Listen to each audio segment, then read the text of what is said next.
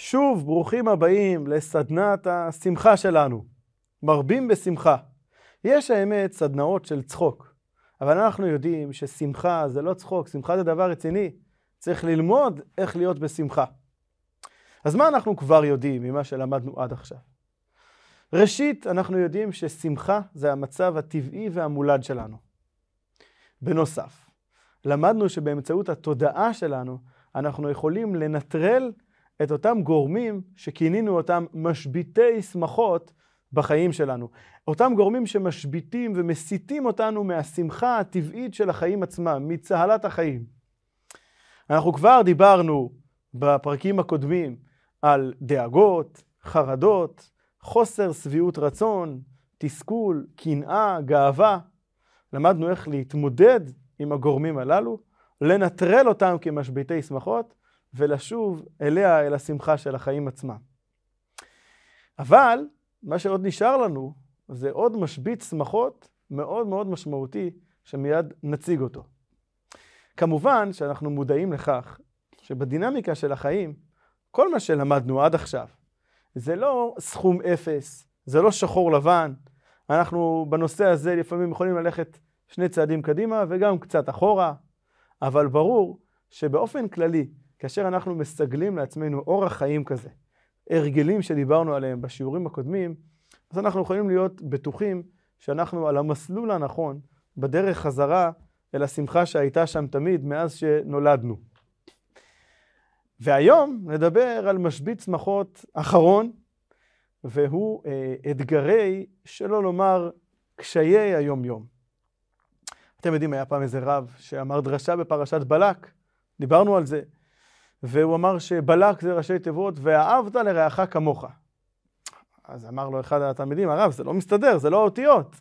אמר לו הרב, נכון, זוהי אהבת ישראל כשזה לא מסתדר.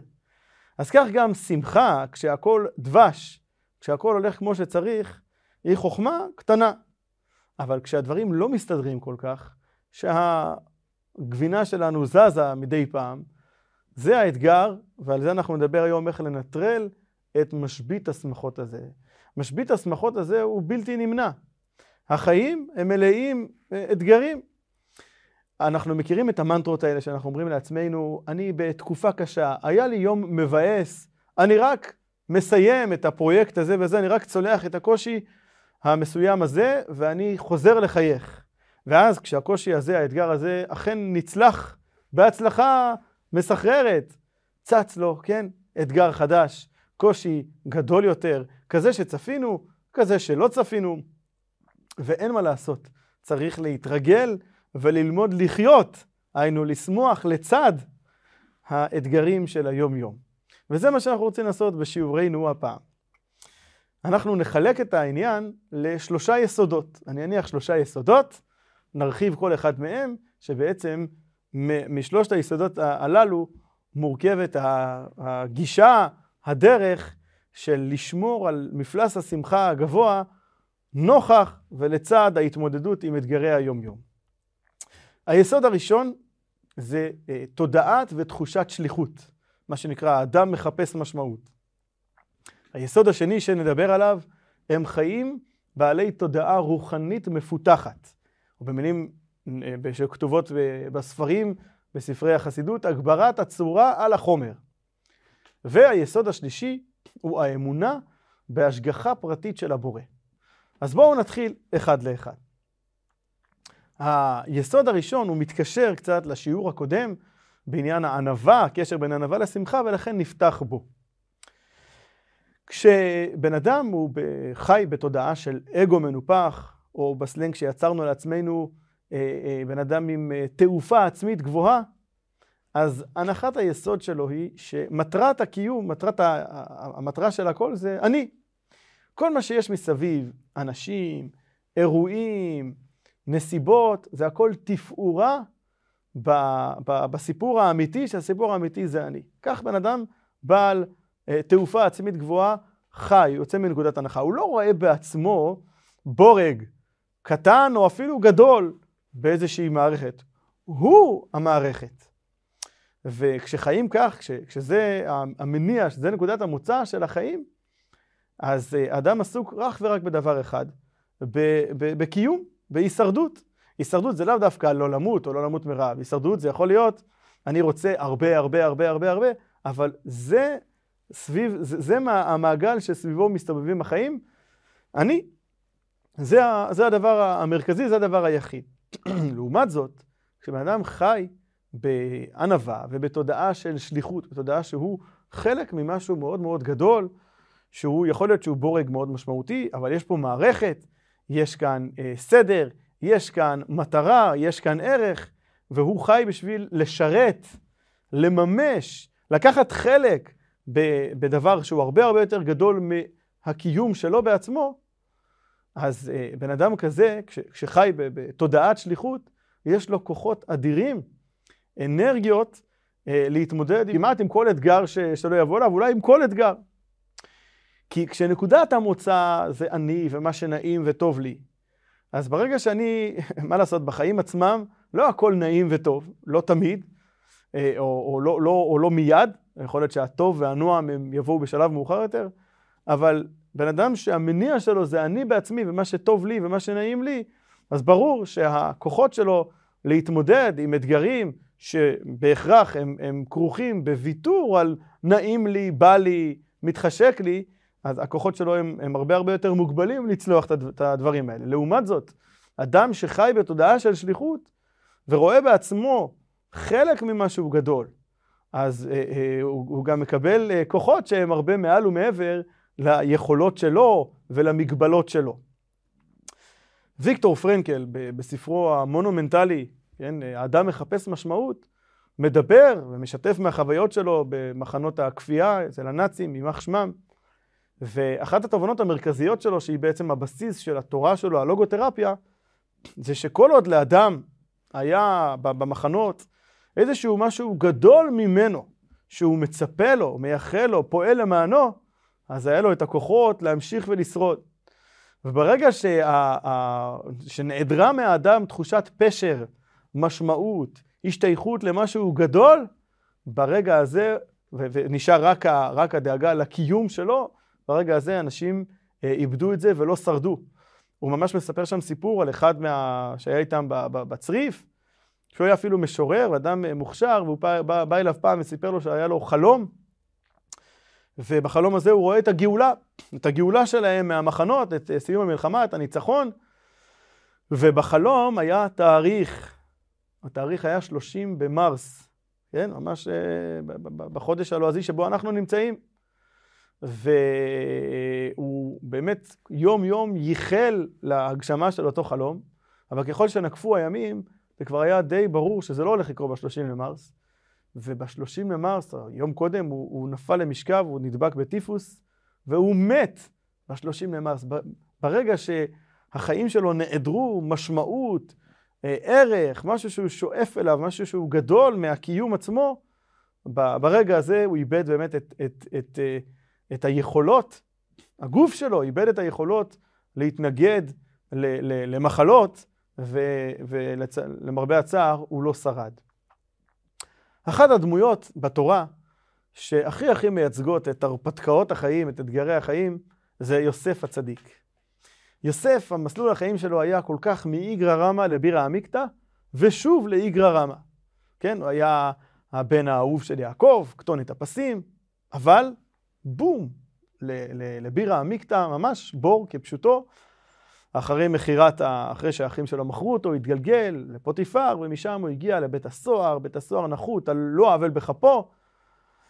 והוא נמצא שם, ואנחנו כשמתבוננים בהתנהגות שלו, יכולים להבין את הסוד הגדול שלו, איך הוא הצליח לחזור שוב מהבירה עמיקתא אל האיגרא רמא, וזה ממש ממש אה, אה, מייסד ומניח את היסוד הראשון שלנו, של האדם מחפש משמעות של תחושת שליחות. באחד הקטעים שם מסופר שיום אחד הוא רואה את אה, שר המשקים ושר האופים, שהם אה, אה, ככה מבואסים, הם היו בבאסה. ואז הוא שואל אותם, מדוע פניכם רעים היום? ומספרים לו את הסיפור שהיה להם חלומות וזה מתסכל אותם והוא פתר להם, כן, הסיפור מוכר. אבל בואו נשים לב רגע למה שקורה כאן. יוסף נמצא במקום הכי הכי נחות, במתמודד עם, עם, עם קושי אה, אה, אינסופי, אין לו שום דרך אה, לצלוח את זה לכאורה. אין לו שום דרך לצאת משם, זה לא בית סוהר במדינה מתוקנת שיש איזשהו קצבה לעונש שלו, זה, זה for good. והוא נמצא שם, אבל הוא מחובר למשהו שהוא הרבה הרבה יותר גדול מההישרדות והקיום שלו. חז"ל מכנים את זה ששם שמיים היה שגור על פיו. אלוקים יענה את שלום פרעה. כל דבר הוא הזכיר שם שמיים, כלומר הוא היה מחובר למשהו הרבה הרבה יותר גדול מאשר הוא בעצמו, מאשר הקיום שלו. הוא, הוא חי בתחושת שליחות. ולכן, כתוצאה מהחיים האלה של תחושת שליחות, אז שימו לב, דבר מדהים. בדרך כלל, כשאנחנו, כל אחד מאיתנו, זה מאוד אנושי, מאוד טבעי, כשאנחנו בעצמנו מתמודדים עם איזשהו משבר, עם איזשהו קושי, הדבר האחרון שנשאר לנו, שנשאר בנו, זה, זה, זה מקום ואנרגיות למצוקות של מישהו אחר. באותו זמן שאנחנו ממש חווים אתגר, מתמודדים, אנחנו לא פנויים למצוקות של האחרים באופן טבעי.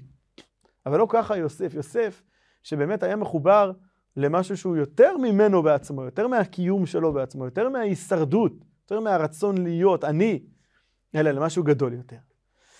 אז גם כשהוא נמצא בבית הסוהר, הוא חש שהוא שליח.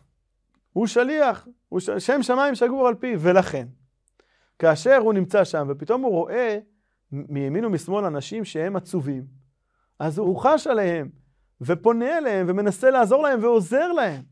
כלומר, בעודו מתמודד עם המצוקה שלו, המצוקה הנוראית שלו, של אובדן המשפחה, של הירידה לבור, על לא עוול בכפו, של כל הצרות ש, ש, שהוא חווה עד עכשיו, כשהוא נמצא במקום הכי הכי נמוך, הוא ערני, הוא חיוני, החיים שלו הם בעלי משמעות מעבר לאני, רק אני, לקיום שלי. הנה, יש פה משמעות נוספת, אולי אני יכול לעזור למצוקה של מישהו אחר. מדוע פניכם רעים היום?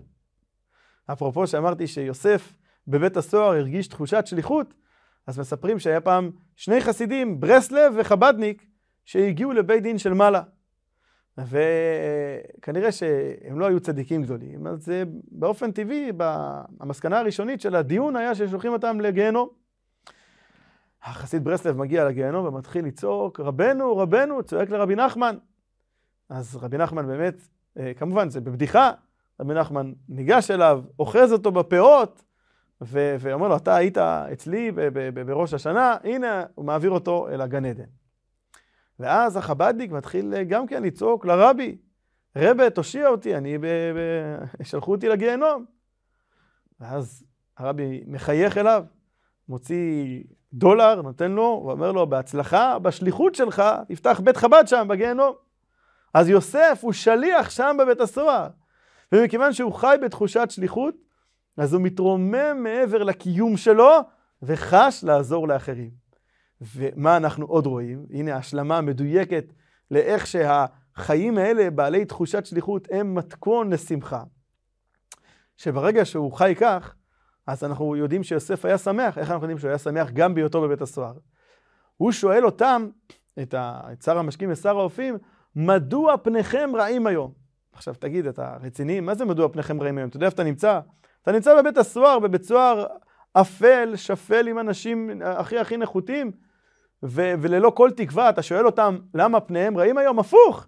אם הם יתחילו לסובב פה מחויכים, תשאל אותם מי סיפר להם בדיחה, תשאל אותם מה קרה להם, הודיעו לכם שאתם יוצאים, אבל כשהם בעודם בבית סוהר, אתה שואל מדוע פניכם רעים היום? אבל כן, יוסף היה שמח, גם כשהוא היה בבית סוהר הוא היה שמח, ולכן הוא שואל אותם למה אתם לא שמחים? מה נתן ליוסף את הכוחות האלה? להיות שמח בכל מצב. מה שהוביל, תכלס בסיפור, זה מה שהוביל גם ליציאה שלו ולחזרה שלו לאיגרא רמא, על ידי שהוא פתר להם את החלומות וזה הגיע לפרעה וכולי וכולי. מה גרם לו לכך? תחושת השליחות, העובדה שיוסף לא תפס את הסיפור של החיים רק שזה מסתכם בי בעצמי. הוא ראה את עצמו כחלק ממערכת, חלק משליחות, שם שמיים שגור על פיו, וכתוצאה מכך הוא פעל, וכתוצאה מכך הוא היה בשמחה וכתוצאה מכך הוא גם בסופו של דבר צלח את המשבר הזה והגיע לאיגרא רמא. זה היסוד הראשון. ועכשיו היסוד השני. חיים בעלי מודעות רוחנית יותר. מה שנקרא הגברת הצורה על החומר. כשהמסלול החיים שלנו ממוקד אך ורק בחומריות, אז יש פה אה, אה, כמה, כמה גורמים, כמה משפיעים שמדרדרים אותנו לא להיות בשמחה. מדוע? ראשית, דיברנו על זה גם בשיעור הקודם, שבתחום החומר אנחנו אומרים שאדם שיש לו מנה, הוא רוצה 200. יש לו 200, הוא רוצה 400 וכן הלאה. לכן אמרנו אין אדם מת וחצי תאוותו בידו. בכל נקודת זמן יש לנו בדיוק חצי ממה שאנחנו רוצים. אנחנו משתוקקים לפי שתיים ממה שיש לנו בגשמיות. ככה זה בגשמיות. לעומת זאת ברוחניות, כשאדם אה, אה, לומד משהו, כשאדם עושה מעשה טוב, הוא מרגיש תחושה של שמחה עילאית, הוא לא מרגיש תסכול, או יכול להיות שזה כן מכניס לו מוטיבציה לעשות עוד, אבל הוא בהחלט, אבל לגמרי לא חווה תסכול, למה, למה לא עשיתי עוד מעשה טוב? הוא יקום ויעשה עוד מעשה טוב. זה היבט אחד. אבל יש פה עניין נוסף. תחומי החומר, התחום של החומר, הרבה מהם הם לא לגמרי בידינו, הם קצת בידינו, כן? בן אדם צריך לעשות למען הפרנסה שלו, למען הבריאות שלו, אבל כולנו יודעים שהרבה מזה, הוא, זה לא בידינו. בן אדם יכול להשתדל מאוד, ו- ו- והדברים האלה הם, הם לא לגמרי רק בשליטתנו, כן? אנחנו עכשיו יוצאים משנתיים שכולנו, אה, כל העולם כולו אה, אה, חווה את זה. לעומת זאת, בתחומי הרוח זה תמיד בידינו. אתה תמיד יכול להחליט, להוסיף ו- ו- וללמוד עוד ולעשות עוד מעשה טוב. וכמו שאמרתי גם מקודם, אתה גם לא מתוסכל ממה שעדיין לא עשית, לא עשית, לא עשית. אתה לא מרגיש חצוי ולא מרגיש חסר, ו- ו- ושאין אפילו חצי תאוותך בידך, אלא אתה יכול להתמקד, כשאתה ממוקד ברוח, אז הדברים האלה הם הרבה הרבה יותר בידינו, ואתה משיג ושמח במה שאתה משיג. לכן, כשבן אדם הוא ממוקד מאוד מאוד רק בחומר, אז אה, יום הולדת למשל, זה לא אירוע כל כך משמח, זה בעצם, מה שזה מסמל, זה ששעון החול אה, יתקדם עוד קצת. ואנחנו יודעים שהתענוגות התענוגות הגשמיים שלנו הם מושפעים ממצב גופני, מגיל, והם נתונים לפגעי הזמן. המראה החיצוני הוא נתון לפגעי הזמן. וכשאנחנו ממוקדים בחומר, אז אנחנו חווים תסכול, כי כל יום שעובר אנחנו מרגישים שהולך ונגמר לנו. ולכן יום הולדת, מה, מה הוא מסמל? הוא מסמל שהתקדמתי לגיל שכבר אה, אני לא יכול לעשות, אה, אה, אני לא יכול לרוץ כל כך הרבה, או לא משנה כל אחד ומה שהוא אוהב לעשות, זה מה שמסמל יום הולדת. לעומת זאת, עם נקודת המיקוד שלי, עם המיקוד שלי בחיים על תחומי הרוח. אז להפך, רוב שנים יודיעו חוכמה, ככל שחולפות השנים אנחנו יותר אה, חכמים, יותר מבינים, צוברים הרבה הרבה יותר ידע, ידע בתורה, ידע בחיים, בחיים הכלליים, ולכן כל שנה שעוברת היא לא סיבה לתסכול, אנחנו לא מפסידים משהו. הרי עם הזמן, את הזמן אי אפשר לעצור. אנחנו לא יכולים להתנגד להתקדמות של השעון, להתקדמות של הימים, ואיזה, באיזה תחום, את איזה תחום זה מאתגר, איזה תחום מושפע מפגעי הזמן, כל מה שקשור לחומר. כמו שאמרתי, למראה החיצוני ולתענוגות הגשמיים, זה מושפע ממימד הזמן. ואנשים חווים תסכול, כי הוא נמצא במצב שיש לו רק חצי ממה שהוא רוצה, והזמן, הוא מרגיש שהזמן עוזר לו. לעומת זאת, בתחומי הרוח, והוא לא מרגיש שיש לו רק חצי ממה שהוא אה, יכול או רוצה, הוא כל הזמן יכול להוסיף ולהוסיף. והזמן לא משחק לרעה, הזמן משחק לטובה. הוא היום, הוא היום נמצא במצב שהוא מבין יותר, יודע יותר איך לעשות טוב, ו, ו, וזכה לעבור עוד שנה של עשיית טוב, של עשיית מעשים טובים. ולכן, ככל שהחיים שלנו ממוקדים יותר רוחניות, מה שנקרא, כמו שאמרתי, הגברת הצורה על החומר, אז ברור שהמסלול הוא הרבה הרבה יותר שמח והרבה פחות תסכול שאנשים חווים כתוצאה מזה שהם ממוקדים מאוד מאוד בתחומי החומר בחיים. והיסוד השלישי, היסוד של האמונה בהשגחה פרטית של הבורא. מספרים, סיפור ידוע על הבעל שם טוב, מייסד החסידות, שפעם רצה להמחיש לתלמידים שלו עד כמה הקדוש ברוך הוא משגיח על כל נברא. הוא לקח אותם אל היער, סייר איתם, ואז הראה להם איך שעלה, איך שהרוח נושבת על אה, עץ, וממנו נופל עלה, והעלה הזה מתגלגל ומתגלגל באמצעות הרוח עד שהוא עוצר, עושה תחנה במקום מסוים. ועל שם טוב אמר לתלמידים שלו, בואו איתי, התקדמו עד שם, הוא חשף את העלה, ומתחת לעלה הייתה תולעת קטנה שסבלה מהשמש הקופחת, ובאמצעות המסע הזה של העלה, אה, אה, הייתה לה, היה לה צל ומנוחה. כך רצה וכך המחיש הבעל שם טוב לתלמידים שלו, עד כמה הרעיון, כמה העניין של השגחה פרטית הוא באמת על כל נברא ועל כל יצור. כשאדם חי בתחושה שאין השגחה, חלילה, וכשהוא מופקר למקרה, כן, מה, קורה לי ככה, קורה לי ככה, הוא חש בדידות. הוא חש בדידות, וכתוצאה מכך, מפלס השמחה אה, מגיב בהתאם. והיכולת שלו לצלוח את אתגרי החיים הולכת וקטנה, והוא בכלל מפתח תחושה שאתגרי החיים והחיים הם איזשהו אויב. יש, הוא, קם בבוקר והוא יוצא למלחמה עכשיו עם אתגרי החיים. אבל אם בן אדם מעמיק ומגלה בעצמו את האמונה בהשגחה הפרטית, אז הוא רואה בעצמו, כמו שאמרנו מקודם, בתודעת שליחות, הוא רואה בעצמו בורג במערכת, הוא רואה בעצמו שהוא לא לבד, כמו שאומרים, מישהו תמיד הולך איתי, ובאמת מישהו הולך איתו, ואז הוא יכול להסתכל על האתגרים של החיים, איך אומרים, להסתכל, ה... להסתכל עליהם בלבן שבעיניים, ולצלוח אותם מתוך תחושות של עוצמה, של מוטיבציה, של שמחה על הזכות שיש לו לחיות, ליהנות ו- ולשמוח מצהלת החיים עצמם, ולהתמודד עם אתגרי החיים, ושאתגרי החיים בשום פנים ואופן לא יהוו משבית לשמחה ולצהלה של החיים עצמם, כי הוא לא לבד, הוא נמצא כאן, גם האתגר זה בהשגחה פרטית, זה כנראה בשביל לגלות איזשהו עומק נוסף בחיים. אתגרים הם הזדמנויות, כל הגישה הזאת היא גישה שמושפעת מאוד והיא תוצאה של הכרה בהשגחה פרטית. אז אני רוצה לסכם ולסיים את השיעור הזה.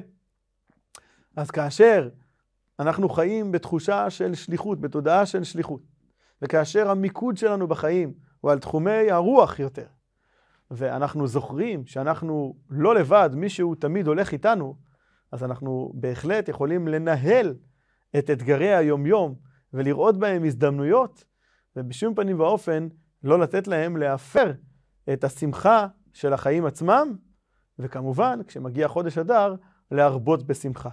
בשיעור הבא אנחנו נדבר על החג שמנקז אליו את כל העומק והיופי והגדולה של השמחה, שזה חג הפורים, שעליו נאמר שצריך לשמוח ולשתות יין עד דלא ידע בין ארור המן לברוך מרדכי, השמחה שמגיעה מעצם הנשמה וגם מקצת יין.